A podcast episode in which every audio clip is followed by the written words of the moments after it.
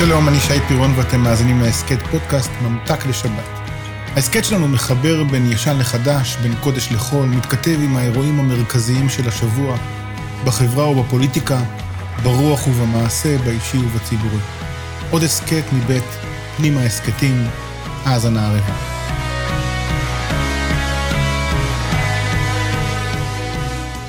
אז גם לי זה קורה לא פעם. אני מגיע לכל מיני מקומות בהם אני מרגיש שהם מוצאים את דיבת הארץ רעה, ואז אני מתגייס להגן עליה ועל יושביה. מספר על הסולידריות, על הארגונים המיוחדים, על המכינות הקדם-צבאיות, על תנועות הנוער.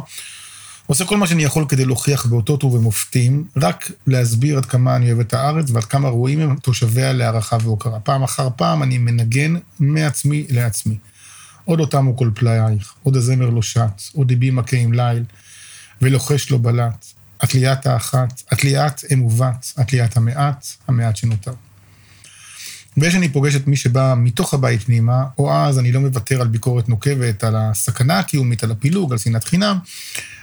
כל התופעות האלה שעולות ופורחות כפטריות אחרי הגשם. וכששואלים, מעירים ומעוררים, ואומרים לי, אז אולי תחליט מי ומה אתה, ואיך מתיישבות שתי השפות, ואולי כבר תבחר בין שתי הגישות, אני מדגיש שבחרתי ללכת בדרכו של משה.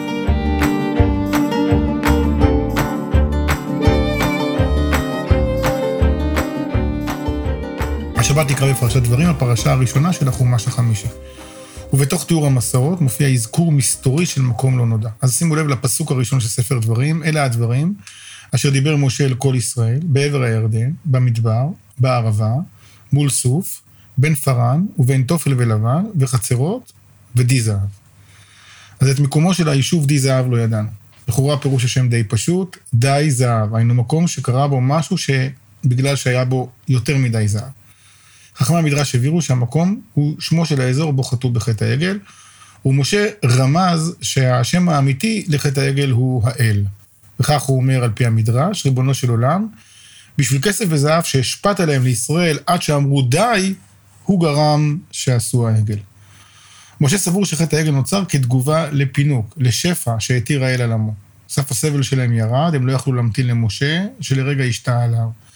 הם התרגלו לנוכחות של אלוהים, למציאות בה בקשותיהם לענות במהירות, ואתה, משה טוען, למרות שהעם חטא, אתה האל השם. זו לא הפעם הראשונה שמשה מגן על עמו. כשירד המנהר, אני מזכיר, וראה את החוטאים למול עיניו, הוא אמר, ואתה אם תישא חטאתם, ועם עין וכן נא מספרך אשר כתבת.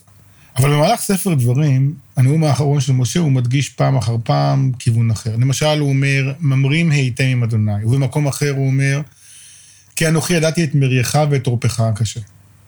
אז הנה המסר של משה רבנו.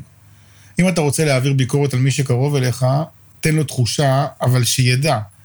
על אף הביקורת אני לצדך. אני אגן עליך מפני כל מי שידבר עליך רעות, אני לא אאפשר לעולם לפגוע בך מבחוץ. אבל ההגנה העמוקה הזו אינה באה במקום הצורך לתקן, לעורר, להוביל לשינויים עמוקים בחברה, פנימה. במידה רבה, כשהזולת יראה עד כמה אתה ערב לו, עד כמה אתה אוהב אותו, הוא יתרחקך ויקשיב גם לביקורת הנוקבת שתעביר עליו. אני לא מקבל מוסר ממי שרחוק ממני, אני לא מוכן לשמוע הערות ממי שלא מוכן להקריב בשבילי, להגן עליי.